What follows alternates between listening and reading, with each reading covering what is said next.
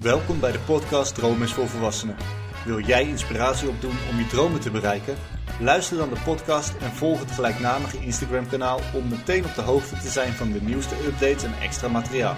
En als je vriend van de show wordt, dan heb je toegang tot exclusief materiaal en kom je als eerste meer te weten over de aankomende gasten en meer. Vergeet ook niet om de show 5 sterren te geven in je favoriete podcastspeler. Voordat we naar de podcast gaan, eerst nog even een kleine disclaimer. Deze podcast bevat namelijk geen financieel advies, ook al hebben we het over geld. De podcast die is bedoeld als entertainment en wij vertellen vanuit onze eigen ervaring om aan te geven welke rol geld kan spelen in het bereiken van je dromen. Ook willen we inzicht geven in de gevolgen van keuzes die je maakt. Wij zijn geen financieel expert, maar delen onze eigen ervaringen en kennis over geld.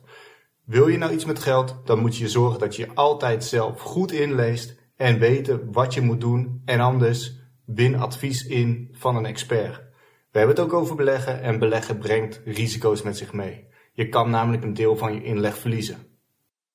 Vandaag heb ik Dionne Knoren te gast en we gaan het hebben over geld.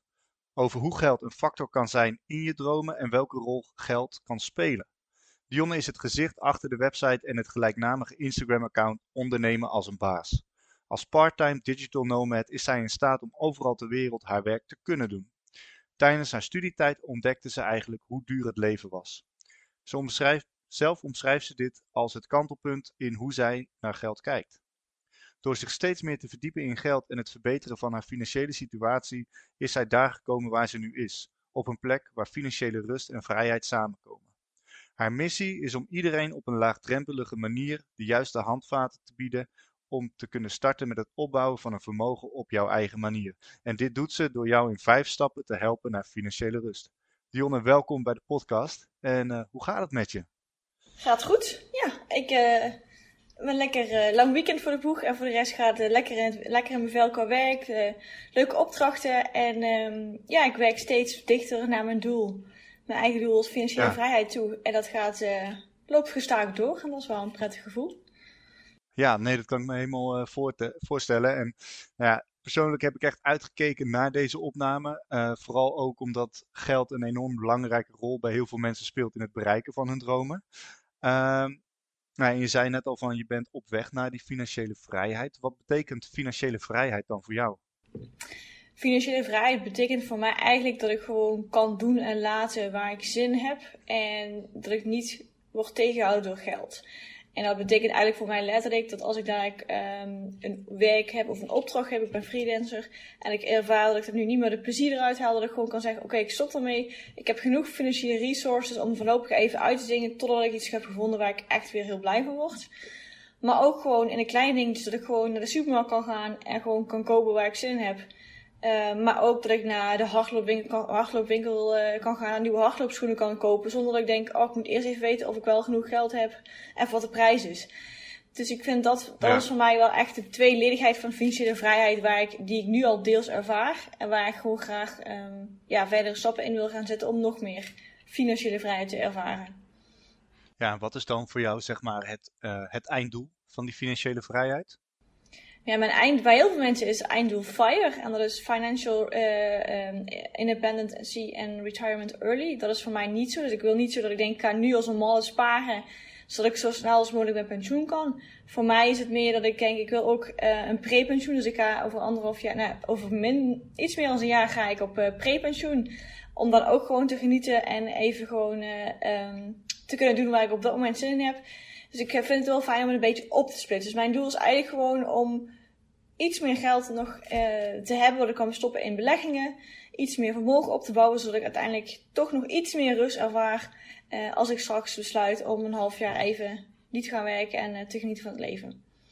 Ja, ja wat je noemt prepensioen. Ik denk meteen aan sabbatical, wat ook wel veel mensen zullen kennen. Maar dat is natuurlijk vooral van werk eigenlijk, zoals je het kent. Van nou, ik stop even tijdelijk met werken en dan kan ik daarin verder. Mm -hmm. nou, en de term FIRE, die nou, komt ook wel regelmatig tegenwoordig als je online zoekt naar het stukje financiële onafhankelijkheid naar voren. En wat je ook terecht zegt, van ja, je hebt daar onder andere in van ik ga nu heel veel geld opsparen, zodat ik uiteindelijk niet meer hoef te werken. Maar je hebt heel veel verschillende ja, stromingen eigenlijk daarin. Het is wat dat betreft net uh, godsdienst of uh, filosofie of wat dan ook. Ja, eigenlijk hebben ze allemaal wel als doel dat je dus financieel onafhankelijk bent op een bepaalde manier. Um, nou, laten we even, straks gaan we hier nog, denk ik, veel dieper op in. Absoluut. Ik ben wel benieuwd uh, hoe jouw strategie daarin is en hoe dat zeg maar in verhouding kan staan tot het bereiken van dromen. Uh, maar je zei net al, je bent freelancer. Je bent namelijk eigenaresse van ondernemen als een baas. Kun je eens uitleggen wat uh, dat precies is, ondernemen als een baas?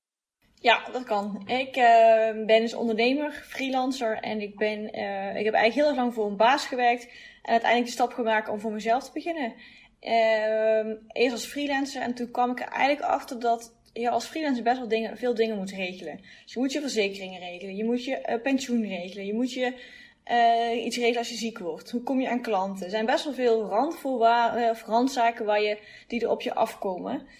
Um, en ja, ik was freelancer en ik dacht, nou ja, superleuk. Maar ja, ik moet natuurlijk ook een aantal zaken regelen. Dus ik ben heel veel gaan googlen destijds. Van oké, hoe regel je een arbeidsongeschiktheidsverzekering? Of hoe zorg je dat je financiën goed uh, op orde zijn? Hoe hoog moet de financiële buffer zijn als ondernemer? En toen kwam ik eigenlijk achter dat heel veel van die content um, die er destijds online stond, was heel erg taai en saai. En toen dacht ik eigenlijk, ja, ik vind het heel erg leuk om te schrijven. Uh, ik heb al websites gehad hiervoor. En toen dacht ik, ja, ik moet het voor mezelf uitzoeken. Dus waarom zou ik het dan niet, als ik het zelf heb uitgezocht, in je Janneke taal gaan delen voor andere ondernemers die ook worstelen met dezelfde vraag. Want iedereen moet weten hoe je dat moet fixen. Um, en dat is eigenlijk, het, ja, zo is eigenlijk het idee van ondernemer als een baas geboren. En ik ben eigenlijk destijds, ik ben in 2019 gestart, eigenlijk best wel breed gestart in de zin van ik wil gewoon um, ondernemers in het algemeen helpen. Maar ik ben eigenlijk wel gemerkt dat eigenlijk het afgelopen jaar dat ik me steeds meer ben gaan specificeren op persoonlijke financiën. En ook het grootste gedeelte is ook echt op financiële vrijheid. Ook omdat dat gewoon voor mij, daar krijg ik gewoon de meeste energie van. Daar word ik heel blij van. En ik wil gewoon heel graag andere mensen helpen met een financiële, um, om ook financiële vrijheid te creëren. Want het klinkt, klinkt heel lastig, ingewikkeld en je moet uh, misschien wel een ton per jaar verdienen, maar dat hoeft helemaal niet. Je kunt nee, ook met nee, een gewoon dat, normale baan. De, uh, ja, nee, dat ben, daar ben ik het mee eens. Ja, dat, uh, ja. De, vaak zie je, tenminste, mensen die hebben het vaak over bergen met geld. Ja. En dat ze daar naartoe willen werken. Maar goed, ja, net als een, uh, een marathon lopen begint met de eerste stap. En de weg naar financiële vrijheid begint natuurlijk met de eerste euro. Precies. Uh, en wat ik jou ook hoor van ja, eigenlijk heb jij gezocht naar iets wat er dus wel was, maar het was enorm taai, die stof. Ja. Ja, dat, uh, ik heb wel wat boeken ook wel gelezen over de financiële mogelijkheden en vrijheid, maar die taaiheid van die stof. Ja, dat als je, geen, als je nieuw bent in het vakgebied, dan is het echt uh, een enorme uitdaging om al die terminologie goed, uh, goed te kunnen snappen. Ja, precies. En, en inderdaad ook net nog heel even op je website gekeken. En dat is gewoon Jip en Janneke taal, wat je ook zegt. Het is gewoon makkelijk te begrijpen. En zeker als je op zoek bent naar informatie, is het gewoon heel fijn om ja, daar je eerste stappen in te kunnen zetten. Um, nou, je noemde net ook al van ja, als ik dan als ZZP'er uh, of ondernemer aan de slag ging, moest ik heel veel dingen regelen, waaronder mijn eigen pensioen. Ja, nu ken ik wel de. Ik kom zelf uit de gezondheidszorg, uit de paramedische wereld. En daar is dat eigenlijk net zo. Als je geen fysiotherapeut bent, dan moet je eigenlijk zelf je pensioen gaan regelen.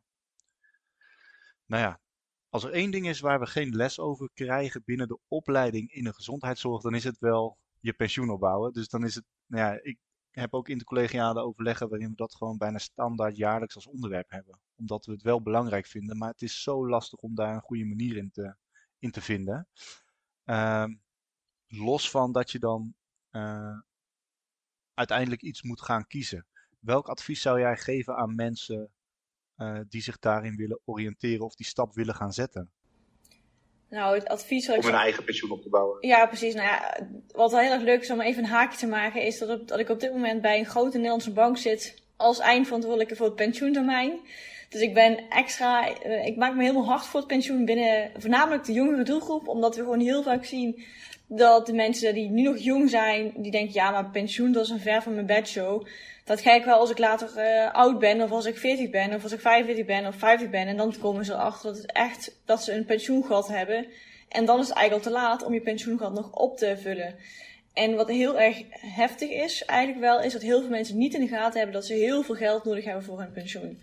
Uh, of je nou in loondienst bent of voor jezelf als ondernemer je pensioen moet regelen, je hebt gewoon echt heel veel geld nodig. Dus hoe eerder je begint, hoe beter. En als we het hebben over tip, uh, wat heel veel wat je eigenlijk moet gaan doen, is gaan kijken naar um, de, bijvoorbeeld als, als voorbeeld te noemen Brand New Day. Dat is een aanbieder, maar zij maken heel veel waardevolle content. En ze maken het heel erg in Jibbe Janneke taal. Voor de, ook ze richten zich op de jonge, hippe millennials. Waarin ze uitleggen wat de fiscale voordelen zijn. En hoe je in een paar stappen pensioen kan gaan opbouwen. En daaruit, maar ook als je gaat kijken naar andere websites. Uh, zoals uh, Mr. Fop. Dat is een van de grootste financieel onafhankelijkheidswebsites. En hij um, vertelt je ook in een paar hele eenvoudige stappen wat de belangrijkste termen zijn rondom pensioen. Zoals onder andere jaarruimte, reserveringsruimte en wat de fiscale voordelen zijn. Waardoor je eigenlijk in een handomdraai kan starten met pensioen opbouwen. En wat ook wel interessant is rondom pensioen is dat heel veel mensen die denken, ja, ik werk toch voor een baas, mijn baas bouwt toch mijn pensioen op. Dat is ook, dat is ook vaak zo. Alleen een werkgever bouwt nooit 100% van je pensioen op. Vaak is het 50, 60 of 70%. Dat betekent dat je alsnog elk jaar een gat hebt van 30, 30%. Dus het is echt belangrijk om op tijd te gaan beginnen en gewoon op een laagdrempelige manier um, uitzoeken hoe het werkt. En vervolgens al stort je elke maand 50 euro in je pensioen. Dat is echt beter dan helemaal niks. Ja, nee, dat, uh, je hebt natuurlijk het. Uh zogenaamde compounding effect van rente op rente. Ja, en dat, uh, nou ja, ik heb wel eens gehoord dat het het achtste wereldwonder is, om het zo te noemen. Maar het is echt bizar als je ziet hoe dat, hoe dat kan werken. En wat ik eigenlijk ook hoor in jouw verhaal is, als ik één woord eruit moet hebben, dan is het bewustzijn. Ja, Van, wees je bewust hoeveel je nodig hebt straks. En daar komen we misschien later nog even op terug in het kader van je dromen. Maar ook wees bewust wat je nu al zou kunnen doen. Want ja, je noemt 50 euro per maand. Nou ja, dat is bij wijze van uh, anderhalf euro per dag. Dat is dat kopje koffie op het, op het station. Of dat is tegenwoordig nog wel duurder zelfs. Uh, maar ja, daar heb je het over. Ja, klopt. Ja, het, zijn, het hoeft echt niet heel grote bedragen te zijn. Het zijn. Je kan heel klein beginnen. En hoe eerder je begint met kleine bedragen, hoe beter. En ik denk dat als heel veel mensen gaan, goed gaan kijken naar hun financiën, wat ze elke maand uitgeven, dan zijn er echt wel dingen waar je denkt van oké, misschien ga ik iets minder vaak uit eten of iets minder vaak het kopje koffie op het station of uh, naar iets anders, waardoor je dat geld eenvoudig kan opsparen en in je pensioen kan gaan stoppen. Ja, ja nee, uh, helemaal mee eens. Uh, ik ga je nu even een vraag stellen waar ik aan het eind van ons gesprek antwoord op wil. Oké. Stel hè, dat, jij, uh, dat jij Dionne van de basisschool zou tegenkomen. De, de jonge jij. Welk advies zou je haar dan willen meegeven rondom het bereiken van haar dromen? Ik zie meteen een heel erg uh, ja. denkende blik. Ja. Van welk advies zou ik uh, meegeven? Nou, we komen er straks op terug. Ja, helemaal goed. Uh, want, nou ja, je hebt al, je zei net al, ik heb hier een haakje en nee, je geeft mij heel veel haakjes terug, maar die parkeer ik voor nu, want ik wil even terug naar het begin. Ehm, op jouw website zag ik van uh, dat jij eigenlijk tijdens je studententijd merkte van, hé, hey, ik moet wat aan mijn financiële situatie gaan doen. Hoe was die studententijd dan voor jou met daarbij dus ja, eigenlijk jouw omslag in jouw financiële situatie? Dat je merkte dat je er iets aan moest gaan doen? Nou, ik heb echt een fantastische studententijd gehad. Ik had een fantastisch studentenhuis en een hele fijne kamer. Dus daar uh, heeft, me niet, uh, heeft me niet tegengehouden. Maar wat voor mij wel heel duidelijk was, is dat ik voor het eerst op kamers ging en toen opeens realiseerde dat het best wel duur was om een zakje boodschappen te halen. Of uh, ja, mijn huur van mijn studentenkamer. Het was destijds, ik veel, 300 euro. Het valt reuze mee, maar ik vond het destijds heel veel geld, die 300 euro. Um, en wat mij het voordeel heeft gewerkt, is dat ik voordat ik ging studeren, had ik een MBO-opleiding gedaan in de kinderopvang. Dus ik had een bijbaan in de kinderopvang, waardoor ik best wel uh, aardig goed verdiende in de studententijd. Uh, dat komt gewoon, ja, als je, een kinder, als je gewoon gediplomeerd bent, verdien je veel, meer dan wanneer je gaat vakken vullen bij de Albertijn. Um, dus dat was voor mij wel fijn dat ik op die manier wel altijd wel genoeg geld had. Maar ik vond wel dat ik dacht, ja jeetje, ik ben dus nu een dag aan het werken. En doordat ik een dag heb gewerkt, kan ik nu mijn boodschap van de week betalen. Dus ik vond dat best wel heftig om te zien dat je best wel veel moet werken om je vaste lasten te betalen.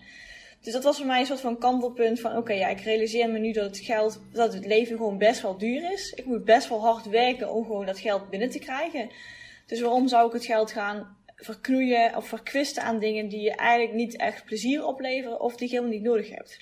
En dat was eigenlijk voor mij de start, um, of het kantelpunt dat ik dacht, oké ja, uh, dit moet gewoon op een andere manier. Ik moet gewoon beter omgaan met mijn geld. Uh, veel meer bewuste keuzes maken qua geld. En ook een beetje start van een soort van minimalistisch levensstijl. Dat ik denk van ja, waarom zou ik spullen kopen om te kopen terwijl ik ze eigenlijk helemaal niet nodig heb? Dus ik ben ook best wel gierig en ik geef ook niet heel veel geld uit aan dingen die ik gewoon niet nodig heb, want dat vind ik gewoon zonde. Ja, ja, en je noemt gierig. Uh, ik denk eerder dat bewustzijn weer mooi naar voren komt. Van wees bewust aan de ene kant waar je geld aan uitgeeft, maar ook, en dat is misschien een hele gekke zin, maar wees bewust wat het geld je heeft gekost. Ja. Want uiteindelijk noem je dus, ik moest een dag keihard werken voor een week boodschappen. Ja, precies. Ja, en ik vond het werk niet altijd even leuk, want ik werk op een kinderdagverblijf en dat vond ik leuk als bijbaantje, maar niet fulltime. En dat was voor mij als nog een extra motivatie van ja, ik moet werken wat ik niet heel erg leuk vind. Het levert me wel op zich best wel oké geld op, maar het gaat er binnen een week ook weer van uit. Dus ik dacht, ja, hier moet ik een betere balans in gaan vinden. Ja, ja en dan nou, kom je toch weer bij dat stukje reflectiebewustzijn van ja, wat, hoe is mijn situatie nu en wil ik dit nog wel of niet? Um, en je kwam er eigenlijk achter door dit soort voorbeelden hoe duur het leven was. Precies, ja. Dat ik dacht van, oh ja, jeetje. Dat, uh, en een vakantie, dat, ja, weet je, vroeger ga je natuurlijk met je ouders mee. Maar zodra je dan uh, eh, 18 bent, je wil voor het eerst op vakantie gaan. Dan kost zo'n vakantie, zo'n jongere vakantie, die kost eigenlijk helemaal niet zo heel veel geld. Maar voor jou destijds, als je jong bent, dan is het wel heel veel geld. En dan denk je van, ja, dan moet ik dus weer uh, drie weken voor werken om een vakantie van een week. Terwijl het dan wel leuk is, maar vind ik het dan in verhoudingsgewijs wel leuk genoeg qua budget weer. Ja, en kijk, dat is natuurlijk uh, ook wat je zegt. Het gaat om de situatie van jou op dat moment. Kijk, als je het nu hebt over een kamerhuur van 300 euro per maand. Nou, ik denk dat er tig studenten in de rij staan om dat te kunnen betalen. Of te willen betalen. Want nou ja, die huurprijzen zijn niet alleen in de particuliere sector enorm gestegen. Maar het is wel gewoon feit dat, uh, ongeacht wat je inkomen is, dat er ja, er is gewoon een bepaald percentage wat je kwijt bent. En daarin moet je denk ik meer, niet zozeer naar de harde cijfers kijken van het gaat om 100, 200, 300 euro, maar kijk eens naar het percentage. Ja, Wil je bijvoorbeeld uh, eh, 50% van je totale inkomen per maand kwijt zijn aan leuke uitjes of wat dan ook, bijvoorbeeld. En het is prima als je, dat, als je daarvoor kiest, hè? dat uh, begrijp je daar niet verkeerd. Ja. Maar het is wel zo van oké, als jij daarvoor kiest op dat moment, wees je bewust wat dan het gevolg daarvan kan zijn. Want kan je met 10% minder, wat dan? Ja, precies. Dat is inderdaad heel erg belangrijk. Je moet inderdaad niet kijken naar de directe cijfers, maar gewoon inderdaad verhoudingsgewijs. Nibud adviseert om minimaal 10% van je inkomen te investeren voor later pas een buffer op te bouwen. En wat ook heel belangrijk is om te, om te kijken of je eigenlijk wel goed gaat, is om te kijken naar je spaarquotum. Het klinkt misschien een beetje uh, ingewikkeld, maar dat valt eigenlijk reuze mee. Dat is eigenlijk dat je gaat kijken, de, de verhouding, hoeveel je gespaard van op, van, ten opzichte van het geld dat je elke maand binnenkrijgt. Dat moet dus volgens het niet minimaal 10% zijn, maar hoe hoger dat bedrag is, hoe sneller ja, je een, een vermogen kan opbouwen. Ja, ja, dat is natuurlijk, ja, het klinkt heel, uh, weet het, heel groots en moeilijk met een woord als spaarquotum. Maar eigenlijk is het gewoon simpelweg, als jij 100 euro binnenkrijgt en je kan 10 euro per maand sparen, dan heb je dus 10 maanden nodig om wat jij binnenkrijgt te kunnen sparen. Precies, ja. ja. Doe, doe je, kan je 20 euro sparen, dan ben je de helft van de tijd ermee kwijt. Ja, precies. Um, op jouw website hè, staat ook dat jij begon met ondernemen als een baas, na als een soort side hustle naast een fulltime baan. En een side hustle, nou ja, voor de luisteraars die dat niet weten, dat is in principe gewoon een soort van hobby slash onderneming om extra inkomsten of plezier of wat dan ook te genereren. Uh, hoe, ja, hoe, begon, hoe begon je uiteindelijk in eerste instantie met je side hustle? Maar ook, wat was voor jou nou het moment om te zeggen, oké, die fulltime baan, daar stop ik mee. Ik ga vol voor die side hustle. Ja, dat is wel een leuke vraag. Want ik ben eigenlijk al heel erg lang bezig met side hustles. Eigenlijk zolang ik me kan herinneren, was ik altijd wel op zoek naar manieren om extra geld te verdienen. Ik heb um, vroeger uh, sieraden gemaakt en die verkocht ik dan in de praktijk van mijn moeder. En later gaf ik ook uh, kinderfeestjes waar mensen dan sieraden konden maken. Ik ging oppassen op bejaarden die dan eenzaam waren om op die manier nog wat geld te verdienen. Want ik was destijds nog te jong om een echte baan te vinden.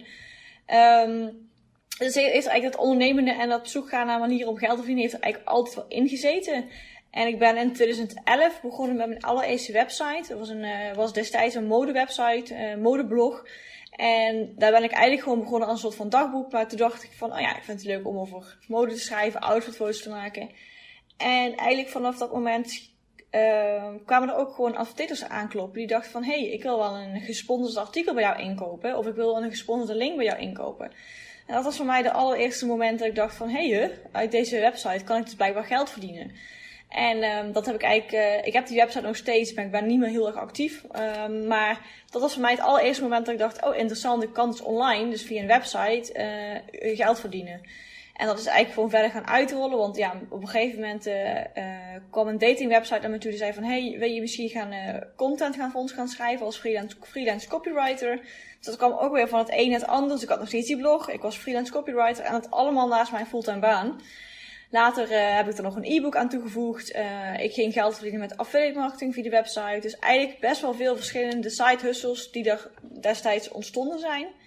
En um, omdat ik dus gewoon heel erg leuk vond om te schrijven, is ook een van de redenen dat ik dacht, ik ga ook over uh, financiële onderwerpen schrijven. En dat is dus eigenlijk de reden dat ik met ondernemers en baas ben begonnen, naast het feit dat ik dus op zoek was naar de informatie.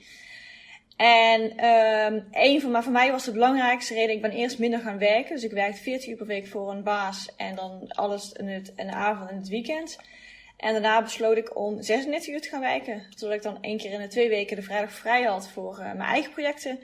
Maar ook daar merkte ik eigenlijk al snel dat het, uh, ja, ik had gewoon best wel veel side hustles. Ik had ook een aantal andere websites gebouwd over parkeren, um, waar ik gewoon heel veel informatie deelde en ook weer met affiliate samenwerkte.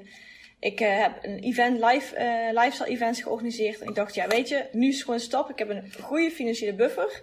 Ik heb een groot netwerk. Ik heb allerlei soorten side hustles. Dus als eentje uitvalt, dan heb ik altijd nog een andere inkomstenbron. Dus ik heb toen uiteindelijk uh, eind 2018 besloten om dus, ja, mijn vaste baan op, op te zeggen. En voor mezelf te gaan beginnen. En dat kwam, die, voor mij de belangrijkste reden was wel dat ik genoeg inkomstenbronnen had en gewoon de financiële rust van ik heb gewoon buffer. Maar ik moet ja. wel zeggen, ik had mijn baan opgezegd en ik zat de allereerste dag thuis. En ik was heel emotioneel, dat ik, dacht, dat ik dacht, wat heb ik nu gedaan? Ik ga mijn collega's missen, mijn vastheid. Ik had een vast contract. Um, maar ik ben nu echt enorm dankbaar voor de stap die ik heb gezet en alles wat heeft opgeleverd, so far. Ja, in principe is natuurlijk het, uh, het nemen van een stap en vooral het loslaten van wat je kent. Dat is echt wel een, ja, heftige emotionele brug waar je over moet, om het zo te zeggen. Maar wat je ook zegt van jouw vangnet was eigenlijk gewoon prima. Precies. je had niet alleen één ja, site hustle, om het zo te zeggen, maar je had meerdere ja, touwtjes waaraan je kon trekken die inkomen uh, genereerden. En daardoor is eigenlijk het risico, om het zo te zeggen, dat is veel minder. Dus je hebt je risico gespreid. Eigenlijk een beetje hetzelfde als jouw beleggingsstrategie, om het zo te zeggen waar we straks natuurlijk nog, uh, nog opkomen. Uh, maar het is wel grappig om dan in dit hele verhaal te horen van en je bent altijd eigenlijk ondernemend geweest om jouw eigen situatie financieel te verbeteren. Want ook als je niet mocht werken, dan nog had jij mogelijkheden om te werken en om geld te verdienen. En van daaruit heb je ook heel veel tijd geïnvesteerd naast je vaste baan. Nou ja, het eerste wat ik dan dacht van, maar hoe zat het dan met je hobby's? Hoe heb je verder die, ja, zeg maar, je werkt 40 uur, dan heb je ook nog een aantal side hustles daarnaast. Waarin je de avond en de weekend en dergelijke bezig was. Dus hoe kon je die werk-privé-balans een beetje goed uh, ja, in balans houden? Dat was lastig, ja. Dat is nog steeds wel, soms wel een lastige. Inderdaad, die werk-privé-balans, daar ben ik gewoon niet heel goed in. Maar het komt ook omdat mijn werk echt mijn passie is. En dat uh, klinkt misschien lekker cliché en dat is het misschien ook wel. Maar ik word gewoon oprecht heel erg blij van mijn werk. Ik krijg zoveel energie van ondernemen als een baas. Ik kreeg destijds zoveel energie van mijn andere websites en mijn andere blogs. Dat het niet echt voelt als werk. Dus ik zie het ook meer als die als een hobbyproject van oké, ik ga nu een nieuwe website bouwen. Ik ga zorgen dat die dan binnen een half jaar tijd uh, rendabel is, dat ik er geld mee verdien. Dus ik zie het als een uitdaging en als een hobby. Dus ja, dus het is enerzijds dat. En anderzijds ook gewoon heel goed plannen. Ik ben uh, echt een lijstje meisje. Ik schrijf alles nog oldschool op in een notitieboekje. En zorg ervoor dat ik mijn tijd die ik heb zo efficiënt mogelijk inricht. Zodat ik alsnog genoeg tijd heb voor sociale activiteiten, reizen en, en andere hobby's en sporten, et cetera. Ja, dus uiteindelijk waar we het net aan het begin over hebben, datgene waar jij je tijd aan wil besteden. Je zorgt er eigenlijk voor dat jouw financiële situatie zo ja, rendabel is, om het zo te zeggen, dat je die tijd die je hebt op zo'n manier kan besteden dat elke minuut die je werkt ook geld oplevert, om het zo te zeggen. Ja, nou, dat, ja, precies, soort van wel, ja, ja. Ja, het is, uh, ik vat het even heel kort zwart-wit samen, maar uiteindelijk, nou ja, jouw, uh, jouw situatie van je leven, om het even heel zwaar te laten klinken.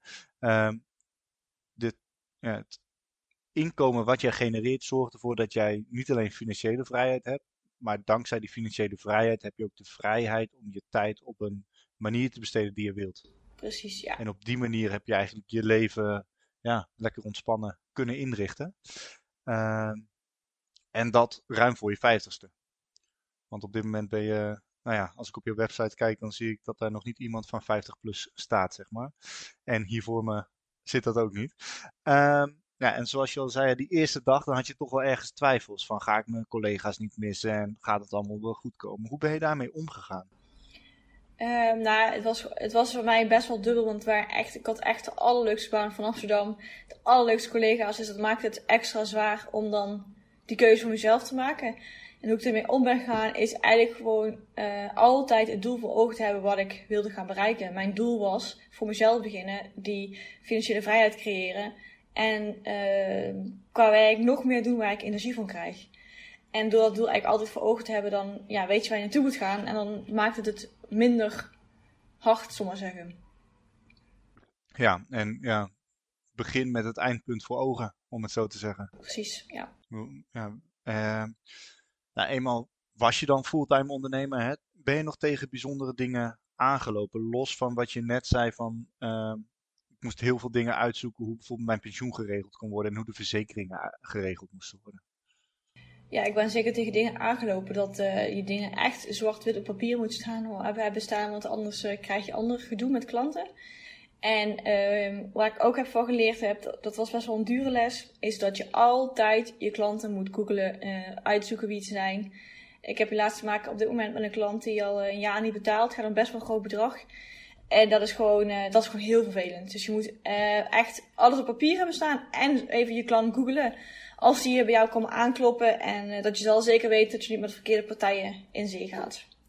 Ja, ja, dat is denk ik wel een hele wijze en helaas dure les om, uh, om geleerd te hebben. En ik hoop voor je dat het wel gewoon goed komt. Uh, want ja, je hebt, je hebt toch tijd, energie erin gestoken. En nou ja, als ik ook nog kijk naar wat je allemaal hebt gedaan. Je hebt superveel tijd van jezelf ook geïnvesteerd om de dingen te leren. Zoals bijvoorbeeld een website bouwen. Ik weet niet wat je opleiding was vroeger, zeg maar. Ja, ik heb um, aan de Hogeschool van Utrecht heb ik social management gestudeerd. En het was een hele sociale, maatschappelijk verantwoorde opleiding. Dus die heeft helemaal niks te maken met het, met het werk wat ik op dit moment uh, doe eigenlijk. Ja, nou dat, is, uh, dat is dan wel grappig dat je dus eigenlijk door jouw persoonlijke drive... ja, en je hebt in je opleiding denk ik echt wel vaardigheden vooral geleerd en misschien zelfs een bepaalde denkwijze, maar datgene wat in je zit en waar jij passie van krijgt, daar ga je voor. En nou ja, dat brengt je in dit geval in het leven best wel, best wel ver. Uh, ik heb nou ja, ik zei net al, ik heb op je website gekeken en daar staat onder andere dat jij op weg bent dus echt naar de financiële vrijheid.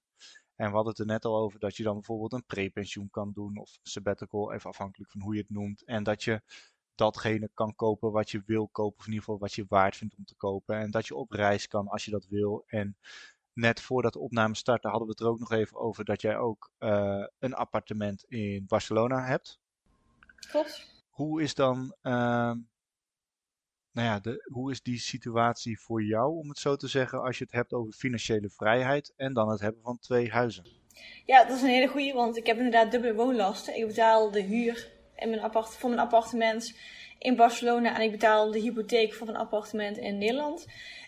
Um, dat is inderdaad niet optimaal om het zo even te noemen, maar het is wel zo dat ik het op die manier wel goed regel dat ik uh, in Nederland, ik woon in Nederland met een huisgenoot en ik woon in, Spanje ook met een huisgenoot. Het zijn niet twee appartementen voor mij alleen, want het zou best wel zonde zijn als de helft van de tijd een plek leeg zou staan.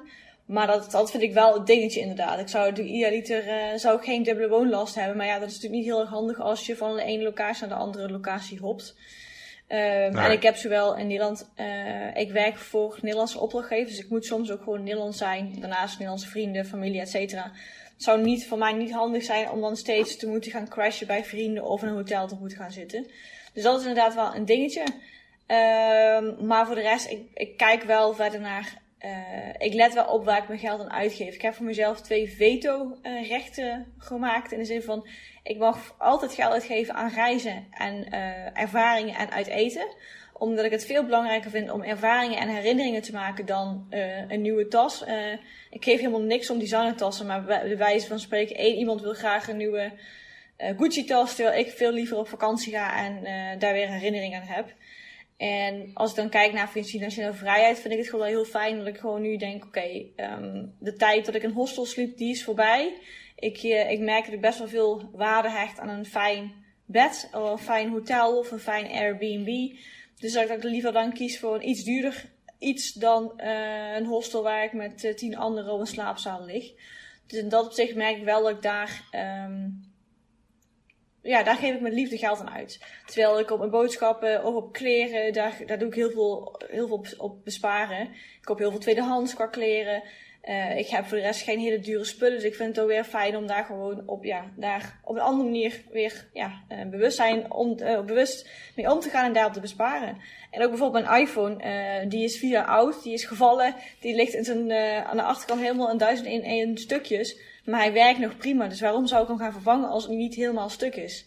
Dat is ook echt mijn ja. motto. Ik ga echt niks vervangen als het niet stuk is. Dat vind ik gewoon zonde.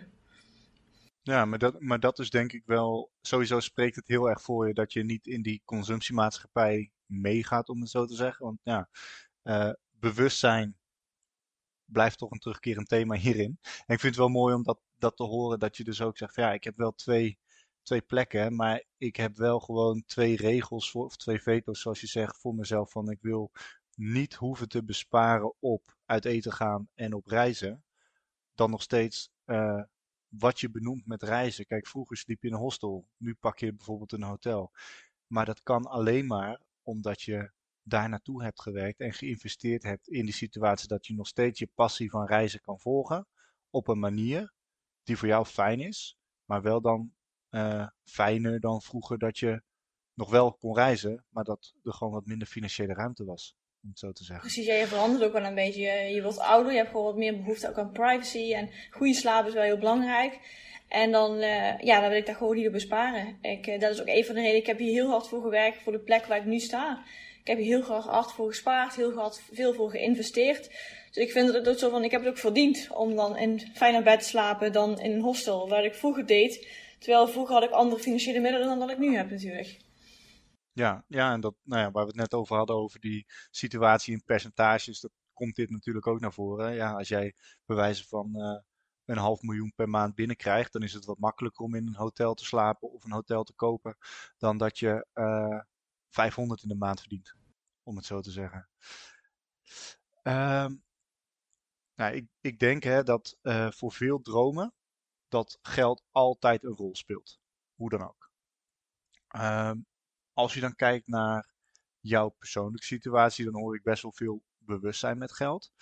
Uh, maar ergens heb je die omslag gemaakt, zeg maar. En nee, je zei net al in je studententijd kwam echt het besef van, oh, het leven is best duur. Is daarna, zeg maar, bijvoorbeeld toen je als zelfstandige verder ging als ondernemer, zijn daar daarna ook nog omslagen geweest in hoe jij tegen geld aankijkt? Uh, nou, ik had mijn allereerste baan, uh, nadat ik afgestudeerd was, had ik bij een PR-bureau. En dat was um, best wel een intense baan. In de zin van, ik had, ik had geen referentiekader. Het was mijn allereerste baan, dus ik dacht, dit is normaal. Maar het was gewoon um, allerminst leuk, om het zo maar even te noemen. Het was heel hard werken. Het was gewoon niet, uh, je werd daar niet met respect behandeld. Uh, dus ik had heel erg het gevoel, ik werkte 14 uur per week. Van oké, van, van maandag tot en met vrijdag zit ik in een soort van gevangenis. Ik moet hard werken. Ik heb geen vrijheid. En dit is hoe het leven er nu uitziet. Want je bent klaar met studeren, klaar met leuke dingen doen. Je moet nu echt keihard werken. En de, de, de lol is er wel een beetje vanaf. Uh, maar omdat ik dus echt geen idee had dat, dit, dat het niet de normale situatie was. Was mijn allereerste baan. Dus ik dacht, ja, dat is normaal. Um, heb ik dat zo ervaren anderhalf jaar. Totdat ik natuurlijk besloten had uh, om een andere baan te gaan kiezen. En ik ervaarde dat op een hele andere manier ook kon. Um, was het voor mij wel een soort, ook weer een soort van kantelpunt. Dat ik dacht, oké, ik wil niet zo gevangen zitten in zo'n rat race. En in zo'n moment dat ik, als ik iets niet leuk vind, dat ik niet weg kan gaan. Dat is ook wat ik al eerder aangaf. Ik wil echt de vrijheid hebben om weg te gaan naar een ander bedrijf. Weg te gaan uh, stop met een bepaalde opdracht als ik het niet leuk vind. Uh, en daar komt ook wel die financiële vrijheid weer een beetje bij kijken. Want dat, ja, als ik niet de financiële middelen heb, kan je dat niet voor jezelf kiezen. Uh, ik heb daar echt anderhalf jaar met buikpijn naartoe gegaan, omdat ik dacht, dit is normaal. En ik wil gewoon die situatie ook niet meer hebben. Ik wil gewoon ja, vrijheid hebben, financiële vrijheid, om te kunnen stoppen als ik denk, dit voelt niet goed. En nu weet ik ook dat ik uit ervaring met andere werkgevers, dat het niet normaal is als je elke dag met buikpijn naar kantoor gaat. Want dat hoort niet zo te zijn. Alleen, dat wist ik destijds niet en nu wel. Ja, wat je eigenlijk zegt, even los van het geld. Je gevoel als mens is essentieel in de situatie waar je zit, maar ook hoe je daarmee omgaat. Ik kan me heel goed voorstellen als jij met buikpijn naar werk gaat, dat jouw stressniveau ook wat hoger is. En die spanning in je lijf wat hoger. En dat je wat vaker ziek bent, wat meer vermoeid, wat sneller prikkelbaar. Puur omdat de omgeving waar je in zit uh, op je werk, wat dus gewoon letterlijk 40 uur per week dan is, plus je reistijd er naartoe en terug, ja, dat dat ook niet goed werkt voor jouw uh, gezondheid, maar ook niet dat het je ruimte geeft om je situatie eens te bekijken van hoe zit het nou en waar word ik wel blij van, waar word ik niet blij van. Ja, precies. Um, nou goed, je vertelt hè, van welke rol eigenlijk geld dan speelt ten aanzien van het bereiken van jouw dromen. Um, maar hoe ga je dan praktisch gezien met geld om? Dus stel, uh, het is, uh, ja, nu is het uh, begin juni, maar stel het afgelopen juni, 1 juni, begin van de maand. Is er dan bijvoorbeeld een moment dat jij kijkt van oké, nu ga ik met mijn geld op een bepaalde manier om? Of is het bijvoorbeeld zo dat oké, een opdrachtgever heeft betaald en op basis daarvan heb ik bepaalde acties die ik uitvoer? Nou, het is zo dat ik altijd achteraf, zodra de maand afgelopen is, eigenlijk op 1 juli, is net gedaan, ga ik dan kijken van, oké, hoeveel geld heb ik echt afgelopen maand privé en hoeveel geld heb ik afgelopen maand zakelijk uitgegeven. En dat doe ik al jaren, zodat ik ook precies kan zien wat ik gemiddeld uitgeef aan bepaalde kosten. Vaste lasten, boodschappen, nou ja, noem het allemaal maar op. En doordat ik daar um, inzicht in heb, ben ik ook wel heel bewust van mijn uitgaven. En dan kan ik ook zien, oké, ik heb afgelopen maand bijvoorbeeld heel veel geld uitgegeven aan uiteten en drinken buiten de deur. Misschien moet ik het deze maand iets rustiger aandoen. En dus dat is eigenlijk waar, wat ik voor mezelf heel erg, uh, waar heel erg op let. En als ik dan kijk zakelijk, ik heb gewoon een losse zakelijke rekening en ik heb een privérekening. En al mijn zakelijke inkomsten komen dan ook op mijn zakelijke rekening binnen. En dat, dat verdeel ik allemaal in potjes. Dus ik heb een potje voor de Belastingdienst, ik heb een BTW-potje, potje voor de kosten, potje voor pensioen, potje voor investeren, nou, salarisbuffer en ga zo maar door. En ik geef mezelf elke maand uh, vanuit mijn zakelijke rekening maak ik gewoon salaris over. Dus elke maand uh, rond de 25 dan uh, maak ik me een relatief laag bedrag um, over. En ik, ik had, ik, ja, ik kan het bedrag wel noemen. Ik had eerst, ik gaf mezelf eerst altijd 1500 euro per maand aan netto salaris over. En ik heb dat sinds 1 januari verhoogd naar 2000 euro netto. Dat is op zich niet zo heel veel, maar het is voor mij meer dan genoeg. Omdat ik eigenlijk gewoon niet meer nodig geld nodig heb. Omdat ik niet zoveel vaste lasten heb. En ik op mijn geld let. Dus ik heb, uh, uh, ik ga er gewoon niet meer geld uitgeven. Dus ik, ik heb ook niet meer salaris nodig voor mezelf. Nee, en dat is wel grappig wat je zegt. Hè, van, uh, als je kijkt, iedereen wil graag meer geld verdienen. En natuurlijk hè, een, uh, een verhoging van 33% zoals jij jezelf hebt gegeven, dat is op zich best veel. Ik bedoel, er is niemand in loondienst die in één keer dat op basis van een CAO na een jaar zeg maar gaat of meer gaat verdienen. Maar als je het vergelijkt met wat je jezelf uitkeert in verhouding tot een gemiddeld CAO-bedrag, zeg maar. Ja, ik geloof dat het uh, gemiddeld bruto inkomen in Nederland 36.500 bruto is. Ja, dan zit je onder de 2000. Ja, ik denk dat je richting de 2000 gaat netto. Uh, maar ook, en dat is denk ik wel een heel belangrijke die je zegt, van ik hou gewoon maandelijks mijn inkomsten en uitgaven bij. En op basis daarvan maak ik mijn besluit. En zelf, ik heb het ook in mijn boek geschreven, maar ik doe het zelf ook al sinds 2012, denk ik. Dat ik gewoon maandelijks tot op de cent nauwkeurig weet wat er ingaat en uitgaat. Precies, ja. En dit is gewoon zo belangrijk. En ik snap gewoon, het is helemaal niet ingewikkeld. Ik vind het zelfs leuk. En ik heb een bus van mijn geld. En dan weet je ook precies wat er inkomt en hoeveel eruit gaat. En dan kun je zo makkelijk geld besparen. En dan krijg je ook zo snel inzichtelijk, oh, ik geef elke maand geld uit aan een abonnement dat je niet gebruikt. Of weet ik veel wat voor andere kosten je kan hebben. En ik denk dat zodra wij dat, zodra meer mensen dat gaan doen, kunnen zij zoveel meer gaan zetten in stappen richting financiële vrijheid. Want dat is echt, het is helemaal niet ingewikkeld. Het is echt geen rocket science, maar je moet er wel even in gaan duiken. En dat kan je heel veel geld gaan opleveren. Ja, je moet het belangrijk genoeg vinden om het te doen, uiteindelijk. En uh, ja, zelf ben ik ook wel een klein beetje een, uh, een cijfernerd, om het zo te zeggen. Ik vind het ook leuk om te doen, maar ik vind het ook gewoon belangrijk, omdat ik weet, ik heb ook dat eindpunt voor ogen. Ik wil ook niet pas op mijn, nou ja, misschien tegen die tijd zeventigste met pensioen moeten. Ik ben nu, uh, wordt ergens volgende week word ik uh, 35. Nou, dan zou ik in theorie op de helft zijn van de leeftijd die ik heb tot aan mijn uh, pensioen. Maar ik wil eigenlijk al op de helft van mijn werkende leven zitten. Precies, ja. Nou, dat zou betekenen dat, dat zou betekenen dat je over, uh, in mijn geval, over ongeveer 20 jaar met pensioen zou moeten kunnen. Nou ja, oké. Die stip op de horizon is over 20 minuten. Wat heb je daar dan voor nodig? Tuurlijk heb je een pot met geld nodig. Maar wat kost het leven op dat moment? Kijk, wij hebben vorig jaar onze hypotheek overgesloten, waardoor onze rente enorm omlaag is gegaan. Ja, dan moet je een boete betalen erover en dat is ook prima, dat is logisch, zo zijn de regels. Maar als dat uiteindelijk betekent dat je dus qua maandbedrag minder hoog uitkomt, dan is het die investering of die boete waard om uiteindelijk daar te komen. En dat is ook een stukje inzicht waar je zelf misschien niet aan denkt. Ja, nee, precies. En ik vind ook wel, want we, we werken al heel erg toe naar het feit van, ja, als je straks met pensioen bent, dan kun je gaan genieten. Maar misschien haal je helemaal pensioen niet. Uh, uh, ik heb nou iemand in mijn omgeving, directe omgeving, die ziek is. En die is niet met pensioen. En die gaat waarschijnlijk pensioengerechte leeftijd helemaal niet behalen. En dan heb je een heel leven lang gewerkt om uh, te werken naar je pensioen. Maar je gaat je pensioen helemaal niet halen. Ja, dan heeft het in mijn ogen ook niet heel veel zin. Je moet ook nu genieten. Je hebt helemaal geen tijd, geen idee hoeveel tijd je nog hebt. Je, je, kan ziek worden, je kan een auto-ongeluk krijgen. Dus je moet er ook echt van nu van genieten. Dat is voor mij ook al heel belangrijk. Ja, ja nee, daar, uh, daar ben ik het helemaal mee eens hoor. En als ik kijk naar wat je zegt, door maandelijks eigenlijk te kijken wat jouw inkomsten en uitgaven zijn, dan hou je ook eigenlijk de, de impact van geld zo laag mogelijk voor jezelf. Omdat je gewoon kort op de bal zit. Je weet precies maandelijks hoe je situatie is. En dat werkt gewoon hartstikke goed. Wat dat betreft. Ja. Um, als je dan kijkt, hè, van jij bent dan in, uh, het was het 2018 dat je zei dat je fulltime ondernemer werd? Ja, ik heb toen ontslag genomen en ik ben in 2019 uh, officieel begonnen. Ja, welke, welke steun heb jij dan in die periode gehad? Enerzijds om die keuze te maken om volledig voor jezelf te gaan werken, maar ook in die periode daarna? Uh, nou, ik was heel erg op zoek naar andere ondernemers. Ik ben zelf, uh, ik kom niet uit een ondernemersfamilie. Ik heb geen uh, vriendinnen die ondernemer zijn. Dus ik wil echt op zoek gaan naar gelijkgestemden. En wat ik destijds heb gedaan is, um, ik heb gewoon heel simpel via een aantal van die Facebookgroepen heb ik een oproepje geplaatst voor mensen die interesse hadden in een mastermind. Dus wie uh, is ook ondernemer in Amersfoort, Utrecht en uh, wie is op zoek naar een mastermind groepje. En heb ik eigenlijk twee mastermind groepjes gevonden, eentje in Utrecht en eentje in Amersfoort.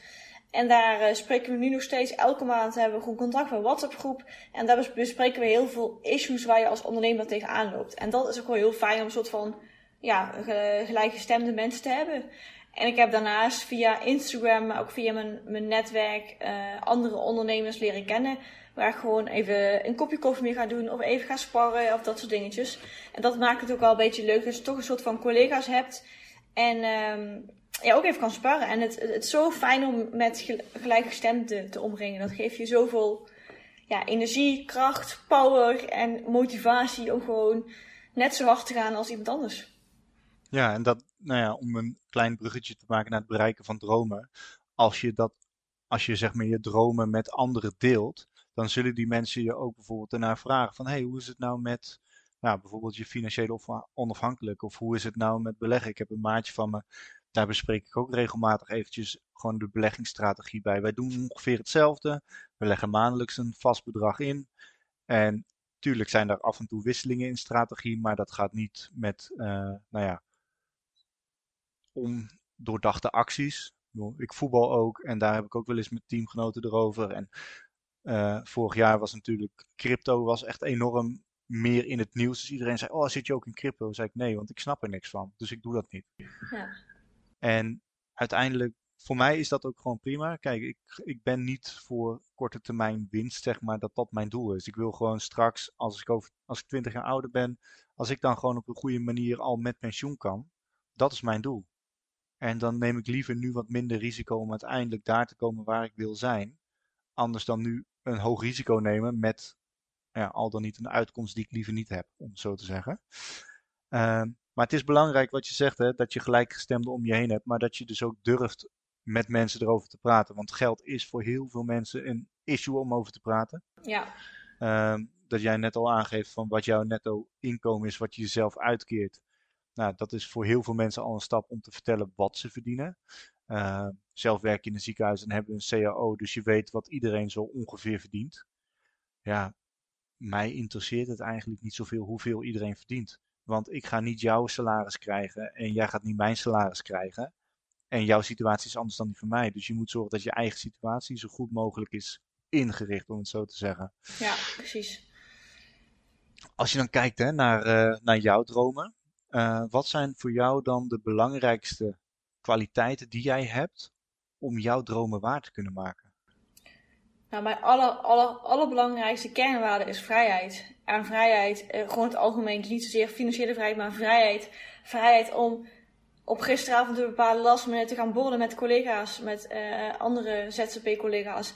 Of vrijheid om nu mijn koffer te gaan pakken en nu naar het buitenland te gaan. Dat is voor mij echt het allerbelangrijkste uh, in heel mijn leven. En daar komt ook financiële vrijheid bij terug, maar ook gewoon de vrijheid om gewoon last met de dingen te gaan doen. En niet te denken, oh ja, maar ik heb nog dit of ik moet dit regelen. Nee, ik kan gewoon uh, gisteren besluiten om uh, op, uh, na, na een werkdag nog even te blijven borrelen. Ik kan tot 9 uur blijven borrelen. Het is allemaal prima. En die vrijheid die vind ik zo belangrijk. Dat is echt voor mij, dat, dat draait het om. Ik, ik wil gewoon nergens aan committen. En ik wil gewoon kijken hoe de wind, hoe de wind gaat eigenlijk. Ja, op dat moment ben ik wel blij dat, dat de afspraak die wij hadden, dat je die dan wel bent nagekomen en niet ter plekke had bedacht, nou, ik ga het toch niet doen. Uh, ik bedoelde eigenlijk meer met mijn vraag, want die kernkwaliteit, vrijheid, die is natuurlijk echt wel essentieel. En dat hoor ik ook in je hele verhaal, dat uh, dat een belangrijke is. Maar als je dan kijkt naar, misschien is competenties een beter woord daarvoor. Van wat zijn dan jouw competenties die ervoor zorgen dat jij jouw dromen waar kan maken? De competentie die ervoor zorgt dat ik mijn dromen waar kan maken, is voornamelijk discipline. Ik ben heel erg, uh, ik weet heel graag goed waar ik naartoe wil werken. Uh, en wat mijn dromen zijn, uh, maar ook ambitieus. Dus ik werk gewoon hard voor mijn doel. Dus ik werk, ik ben heel erg, um, bepaalde, ik, ik, heb een bepaalde commitment voor mijn werk. Dus ik, als er een afspraak is, heb, dan is afspraak is afspraak bij mij. En ik, als ik een bepaald doel voor ogen heb, dan ga ik er gewoon keihard voor werken om dat ook te behalen. En ik ga niet stoppen. En als iemand zegt nee, dat kan niet, dan ga ik op zoek naar andere oplossingen. Ik ben heel erg oplossingsgericht en ik laat me ook niet zo uit het veld slaan. Uh, dus dat zijn denk ik wel belangrijke competenties die, mij, uh, die ik heb. En dan als we dan kijken in de zin van financiële vrijheid, is dat ik gewoon inderdaad, oké, dit kan niet. Dan ga ik kijken, oké, wat kan ik wel doen? Hoe kan ik wel extra geld verdienen? Of deze opdrachtgever valt weg? Hoe kan ik zorgen dat ik alsnog mijn financiële doelen behaal die ik voor mezelf heb opgesteld? En ik denk ook een positieve mindset, dat is ook iets wat ik heel, uh, heel erg heb. Uh, ja, weet je, lukt het niet. Het heeft voor mij geen zin om dan de hele dag in de mineur te zitten omdat ik bijvoorbeeld een factuur niet betaald heb, zoals die klant uh, waar ik nu al een tijdje mee zit. Of dat ik dan uh, geen opdracht heb. Ja, dat gaat je niet verder helpen. Tuurlijk is het goed om even, even boos, teleurgesteld te zijn. Maar het heeft geen zin om de hele dag in zo'n moed te blijven zitten. Dus ook gewoon, oké, ja, het is gebeurd. Ja, wat kunnen we ervan leren? En nu weer door. Ja, ja als ik het een beetje kan samenvatten, dan is uh, en dan heb ik het ook over het samenvatten van het hele gesprek. Wat voor jou eigenlijk die, die kwaliteiten zijn die jij bezit. Is aan de ene kant dat je in staat bent om bewust te zijn over je huidige situatie en waar je naartoe wil. Met die stip op de horizon. Dat je verder de discipline en vastberadenheid hebt om daar dan ook te komen. Mm -hmm. En dat je daarin dus ook onverstoorbaar bent. Ja. Dus je bent in staat om je door, uh, nou ja, externe factoren niet uit het veld te laten slaan. Jouw trein is in beweging en die blijft zeg maar gaan. Verder reflecteer je maandelijks in ieder geval je financiële situatie. Maar ik gok dat dat ook wel op andere gebieden structureel zeg maar gebeurt. Ook onder andere dus nou, die maandelijkse gesprekken met die uh, collega-ondernemers. Precies. Um, en dan die positieve mindset, stukje creativiteit en oplossingsgerichtheid. Van oké, okay, als het niet linksom gaat, dan doen we het rechtsom. Ja. Maar ja, maakt niet uit wat er gebeurt, maar we gaan daar komen waar ik wil komen. Precies, ja. Is dat dan ook iets wat je vanuit vroeger, zeg maar, vanuit de basisschool bijvoorbeeld al meekreeg? Of mee hebt gekregen dat je altijd gewoon hard werkt om daar te komen waar je wilde zijn? Nou, ik heb op de basisschool uh, had ik een meester die geloofde niet zo heel erg in mij. En die, uh, die vond mij uh, te dom. En dat heeft hij ook letterlijk gezegd. En dat was voor mij, dat was voor mij een drive. of een van de redenen waarom ik nu zo gedisciplineerd ben. Om te laten zien, ja jongens, ik ben echt niet dom. Ik kan echt wel meer dan je denkt. En dat is voor mij de reden dat ik altijd super hard heb gewerkt en nog steeds doe. Om te laten zien, ik hoef me niemand te bewijzen, maar dat, heb ik, dat doe ik nog steeds wel een beetje. Maar ik wil me nog steeds bewijzen van jongens, ik ben echt niet dom. Dat, is echt, dat komt voort uit mijn, uh, mijn basisschoolperiode inderdaad.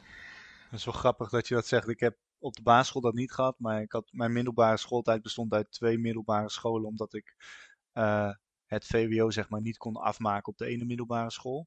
En nou, dan ga je naar een andere middelbare school. En mijn eerste uh, semester stond ik zes onvoldoendes. En ik stond er ook gewoon echt een 1,8 of zo. Nou, dat is natuurlijk niet heel best. En toen, toen mochten wij met de andere mensen die, uh, die hadden nou ja, vier onvoldoendes of zo, mochten we met z'n allen op gesprek komen van ja, ik maak me wel zorgen om jullie. En het enige wat ik zei van ja, prima dat je je zorgen maakt, maar ik ga aan het eind van de dag, uh, aan het eind van het jaar ga ik gewoon over. En uiteindelijk was ik de enige van dat groepje die ook daadwerkelijk zonder onvoldoendes over was.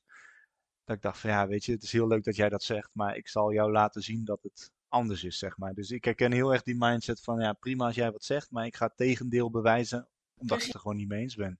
Ja, ja, dat is um, voor mij zo'n drive, zo'n zo'n vuurtje dat aangaat.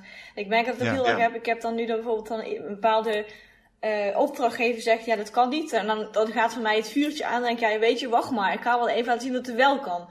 Als het niet via linksom gaat, dan gaat het rechtsom. Maar ik laat je zien dat het kan. En dat maakt, dan, dan komt die drive en zo, dat, dat komt dan extra hard naar voren. Ja, en dat is misschien ook wel in het bereiken van je dromen, zeg maar, en de doelen die je hebt. Van, je moet die interne motivatie, die drive, die moet je hebben om die droom te willen bereiken. Kijk, de financiële vrijheid is natuurlijk, uh, nou, bij jou is misschien dat zaadje of tevoren of in je studententijd geplant van, hé, hey, het leven is best duur, maar ik wil wel de leuke dingen kunnen blijven doen, want dat is uiteindelijk wat ik wil doen in het leven. Uh, heel veel mensen, zeker nu met social media, die zien influencers op de mooiste locaties en dergelijke komen en die denken, dit wil ik ook en ik wil ook miljoenen volgers en dat soort dingen hebben. Maar ik vraag me dan altijd af van één, wat is dan de motivatie erachter? Dus waarom wil je dat? Komt het uit jezelf of is het meer, hé, hey, dit plaatje, dat wil ik ook?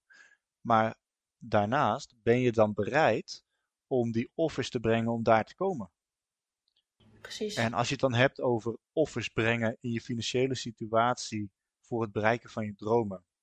Uh, als geld de reden is dat iemand zijn of haar dromen niet kan waarmaken Waar denk je dan dat die persoon het beste zou kunnen starten om zijn of haar droom waar te maken?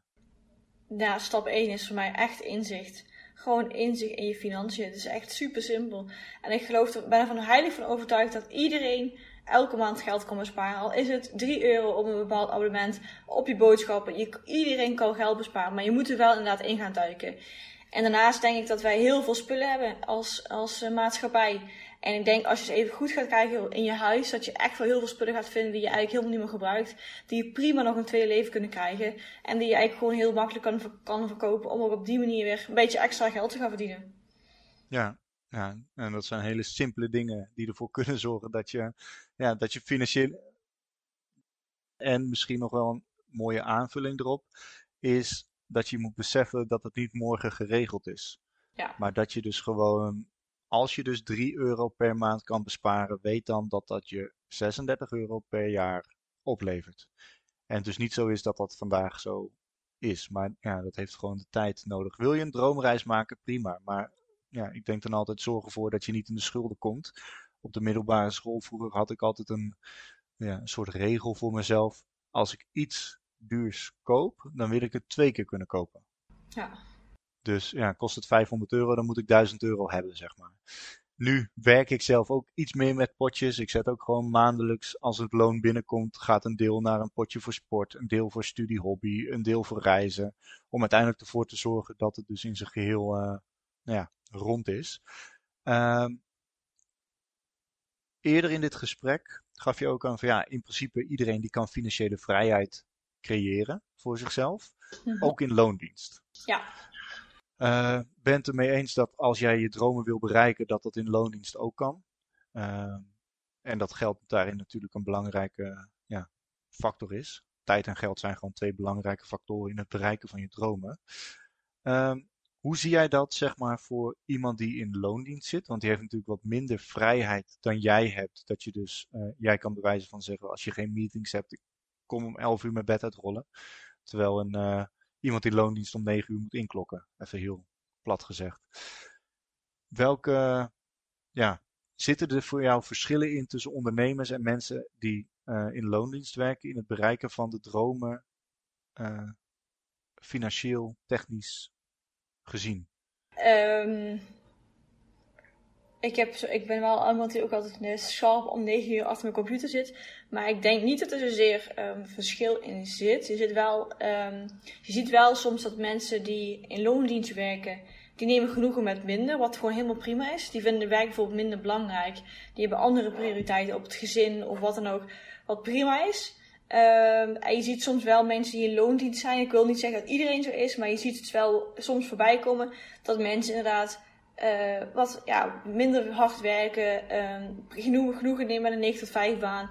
En dat is prima. Maar als je voor jezelf werkt, uh, of ook een loondienst werkt, je moet soms wel echt even een stapje extra zetten. Ook een loondienst. Want als je een stapje extra zet, krijg je misschien wel een bonus. Of krijg je misschien wel loonsverhoging. Dus je moet ook, als je een loondienst bent, laten zien wat je waard bent. En er wel hard voor werken. Want het komt niet uh, voor niks aanwaaien. Je moet er wel voor werken. En ook al heb je maar een salaris wat misschien, um, ik zeg maar even iets, uh, eh, 2000 euro net per maand is. Nou ja, dan ga je kijken, ook, ja, al kun je 20 euro per maand sparen. Of kun je al, er zijn echt, ik ben ervan, je kan echt geld besparen. En als je dan denkt van, oké, ja, mijn vaste lasten zijn te hoog. Dan ga je kijken naar je vaste lasten. Misschien is je huis wel te duur. En natuurlijk zitten we in een huiscrisis is het makkelijker gezegd dan op zoek te gaan naar, naar een goedkope woning. Maar toch denk ik van ja, waar een wil is, is een weg. En als je echt wil, dan kun je echt wel uh, ook in loondienst uh, op zoek gaan naar financiële vrijheid. Maar ik ben me er wel van bewust dat het dan de weg kan wel langer zijn dan wanneer je ondernemer bent en gewoon meer geld verdient. Maar wat ik ook vind en waar ik ook van overtuigd ben, is als je ook echt wil en je bent in loondienst, kun je ook op zoek gaan aan side hustle. Want je hebt de kleine ondernemersregeling, best wel veel fiscale voordelen voor, uh, vanuit de Belastingdienst. En dat hoef je geen KVK-nummer voor te hebben, alleen een B2-nummer. Daar kun je ook echt al heel veel leuke dingetjes mee doen. En iedereen kan online geld verdienen. Daar ben ik ook van overtuigd. Dus je moet het wel willen. En natuurlijk, het is heel lastig. Eng, waar moet ik beginnen? Maar het is al de eerste stap dat je gaat beginnen. Dat je iets gaat uitzoeken. Het is allemaal niet heel erg ingewikkeld, maar je moet wel die motivatie en die discipline hebben. En het doel voor ogen hebben. Ja, en dus die eerste stap zetten dat je ook daadwerkelijk in beweging komt. En nou ja, weet je, in dit hele gesprek wat wij nu, uh, nu hebben, is dat eigenlijk ook gewoon het hele eieren eten van, oké, okay, jij wil iets. Nou, prima. Wat wil je dan? Ga het doen. Precies. Niemand anders gaat het voor je doen. Je moet het echt zelf regelen. Ja, en uiteindelijk als die, uh, als die influencer dus daadwerkelijk uh, op die bijvoorbeeld reislocatie is waar jij graag wil zijn. Ja, dat is leuk, maar dat was niet jouw droom. Jouw droom was dat jij er staat en niet dat iemand anders er staat. En dat jij naar een fotootje ervan of een filmpje ervan kan kijken. Als we dan uh, een kleine blik in de toekomst werpen, waar sta je dan over vijf tot tien jaar? Waar ik over vijf tot tien jaar sta is, um, dan um, hoop ik veel meer vrijheid te ervaren in mijn werk. Ik heb al heel veel vrijheid in mijn werk, want ik ben freelancer. Maar ik zit wel heel erg uh, van, ja, ik heb dan niet inklokken, maar ik heb dan wel elke ochtend een uh, meeting in een soort van dagstart.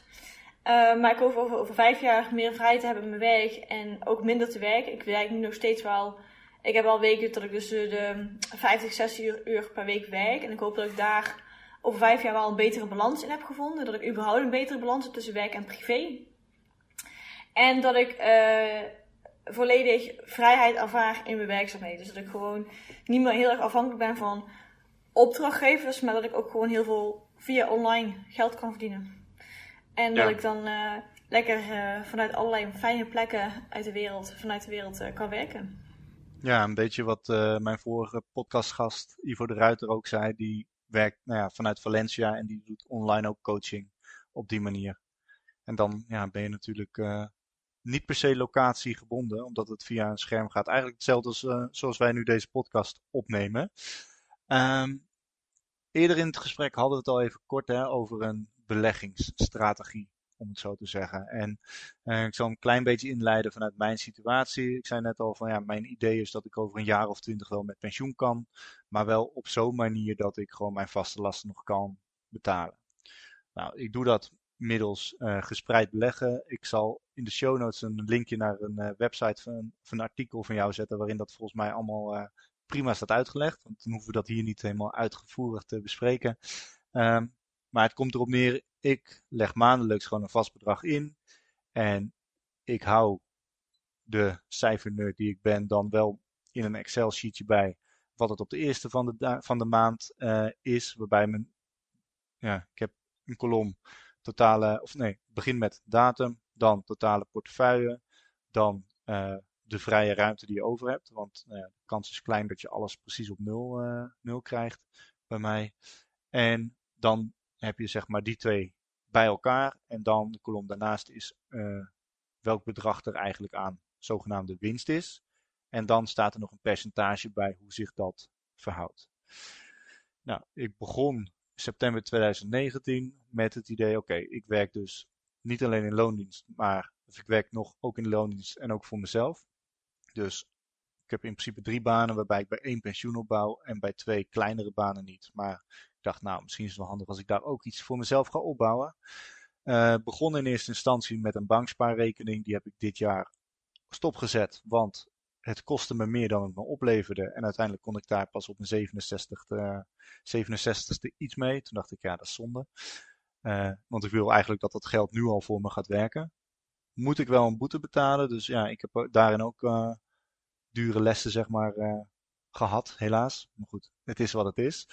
Ehm, en in eerste instantie was mijn doel om richting de zogenaamde 4% regel te gaan volgens mij, ja, ik zie je knikken, die ken je ook. 4% regel is eigenlijk dat als jij uh, eh, 4% van je totale belegde vermogen uit je beleggingspot haalt, dan blijkt op de lange termijn dat je daar uh, ja, eigenlijk geen geld door verliest. Dus het rendement wat je in een jaar haalt is dan meer dan die 4% die je eruit haalt. zeg ik goed, toch? Ja, klopt. Ja. ja. Uh, dat was mijn eerste idee, maar toen heb ik vorig jaar een omslag gemaakt dat ik dacht, ja maar wacht even. Als ik nou ga kijken of dat mijn dividend hoog genoeg kan zijn, zodat ik zeg maar maandelijks of jaarlijks een bepaald bedrag krijg zonder die 4% regel, want dividend wordt natuurlijk per kwartaal uitgekeerd, dan zou ik op die manier een stuk leefgeld hebben, waardoor ik geen, uh, ja, of minder hoef te werken. Want dan werkt mijn geld voor mij. Daarbij doe ik dat wel in een ja, defensieve strategie met ETF's. En op die manier hoop ik over 20 jaar genoeg te hebben, zodat ik met pensioen kan. ik zie jou knikken. Ja, dus, het is dus te volgen. Uh, nou, stel hè, dat, dat verhaal wat ik net vertel. Wat denk jij daarvan als uh, ondernemer, als een baas? dat denk ik dat het een hele goede strategie is. Ik ben niet van, ook niet van snelle geld. En ik zou ook nooit iemand een advies willen geven om snel geld te gaan verdienen. Maar um, ga lekker gespreid beleggen in ETF's of in beleggingsfondsen. Doe het elke maand op het vaste moment van een maand. Uh, leg je een bepaald bedrag in. Hou het lekker bij een Excel-file. Doe ik zelf ook. Heel fijn om te weten wat het precies groeit. Uh, en wat de, wat, wat de winst en rendementen zijn. En uh, um, ja, dat is gewoon heel fijn om het op die manier te doen. Natuurlijk, ik ben wel een beetje, je had het over je bankspaarproduct. Uh, en een bankspaarproduct heeft inderdaad te maken met fiscale regels. Komt pas vrij als je de pensioengerechtigde leeftijd hebt. Maar je hebt natuurlijk wel heel veel fiscale voordelen als je geld in je pensioen stopt. Dus je zou ook kunnen zeggen, ik ga pensioen beleggen uh, in plaats van banksparen. Uh, om op die manier wel uh, ja, de belastingregels te hebben. Want je betaalt geen belasting op dit moment. Je betaalt wat belasting als je met pensioen bent. Dan is, je dan is de tax, uh, de belastingrate veel lager. En je mag je het geld in je jaarruimte mag je gewoon gratis aftrekken. Dan, je, dan betaal je ook voor je bruto loon of als ondernemer een stuk iets anders. En het telt niet meer voor je vermogensrendementheffing. Dus er zijn echt wel wat voordelen. Maar je moet je wel bewust zijn van het feit dat het pas vrijkomt als je met pensioen bent. Dus daarom zou ik nooit al je geld erin stoppen. Want je hebt ook vaak een kortere horizon als je al eerder met pensioen bent. En dan wil je inderdaad kunnen genieten van je dividenduitkeringen of van uh, het verkopen van jouw ETF's eh, e na een zoveel jaar. Ja, ja, en uiteindelijk zeg je daarin van laat je sowieso informeren, maar weet wel wat jouw doel is. Kijk, in eerste instantie dat bankspaarproduct was ook omdat ik eigenlijk en niet beter wist, maar me wel had geïnformeerd. En dan heb ik begon daar zeg maar acht jaar geleden mee. En toen was het beleggen voor jezelf, dat is echt de laatste nou, drie, vier jaar is dat echt enorm in populariteit gegroeid, om het zo te zeggen. Ja, dat klopt. Ja, dat klopt. Ik, ik, weet nog dat ik in uh, december 2018 had ik voor het eerst gesprek met iemand erover. En negen maanden later ben ik daadwerkelijk begonnen. Want ik wilde gewoon een plan hebben van op welke manier ik het ga doen.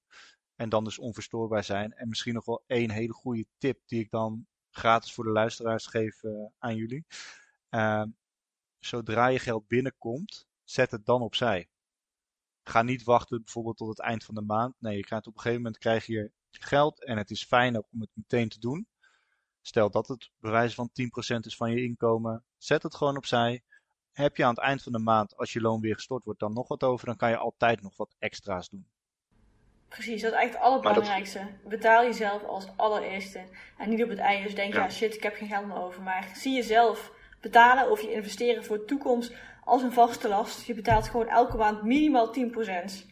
Ja, en op die manier zorg je er eigenlijk voor dat je ja, wat meer financiële vrijheid krijgt. En is geld nou een factor in je dromen om je dromen te bereiken, dat je daar geld voor nodig hebt? Gebruik dezelfde tactiek. Betaal jezelf of betaal je droom eerst. En het is, ja, het is eigenlijk heel suf, maar het is een hele simpele regel, maar op die manier kom je er wel. Precies, ja. Het, uh, het gaat je wel helpen inderdaad. Ja. Stel nou hè, dat naar aanleiding van dit gesprek mensen jou uh, eventjes online willen vinden. Wat is de makkelijkste manier waarop ze jou kunnen vinden? Nou, de makkelijkste manier waarop ze mij kunnen vinden is door, door naar de website te gaan ondernemenalsenbaas.nl. Daar uh, kun je de artikelen lezen en ook contact opnemen. En anders via Instagram, dat is ondernemenalsenbaas. En daar ben ik ook te bereiken.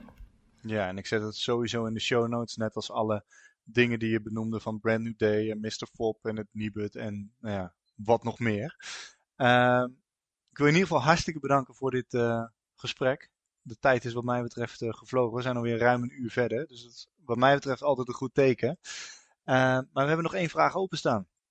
Namelijk Dionne van de basisschool. Welk advies zou je haar willen geven in het bereiken van haar dromen? dat je meer macht en meer uh, in je kracht hebt en meer kan doen dan je zelf denkt. Je kan veel meer bereiken dan je zelf denkt. En dat je jezelf niet zozeer moet laten afleiden door hobbels. Dat heb ik in het begin wel gedaan. Of door, uh, toen ik nog wat jonger was, toen kon ik nog wel door uit het veld uitslaan, maar dat doe ik nu niet meer. En ik denk dat als ik dat al eerder niet had gedaan, dat ik misschien nog wel verder was gekomen. Ja, ja en misschien daarin ook uh, luister niet altijd naar anderen als je erin gelooft dat het, dat het kan. Nee, precies. Want andere mensen die zijn toch een beetje soort van het duiveltje op je schouder. Die denken, ja, maar dat, dat is on, ongekend. Dit doet niemand. Je bent jong. Waarom zou je het wel doen? En het, ze bedoelen het allemaal heel goed, heel, goed, heel lief. Maar het is niet het advies wat je op dat moment moet hebben. Je moet op dat moment advies krijgen van gelijkgestemden. En die zouden zeggen, jij ga ervoor. Pak die kans. Ga, er, uh, ga nou uh, aan slag ondernemer. En dat heb je echt nodig op dat moment. Ja, heel, mooi, heel mooi advies aan de, aan de jonge Dionne. Dankjewel. Nou, graag gedaan.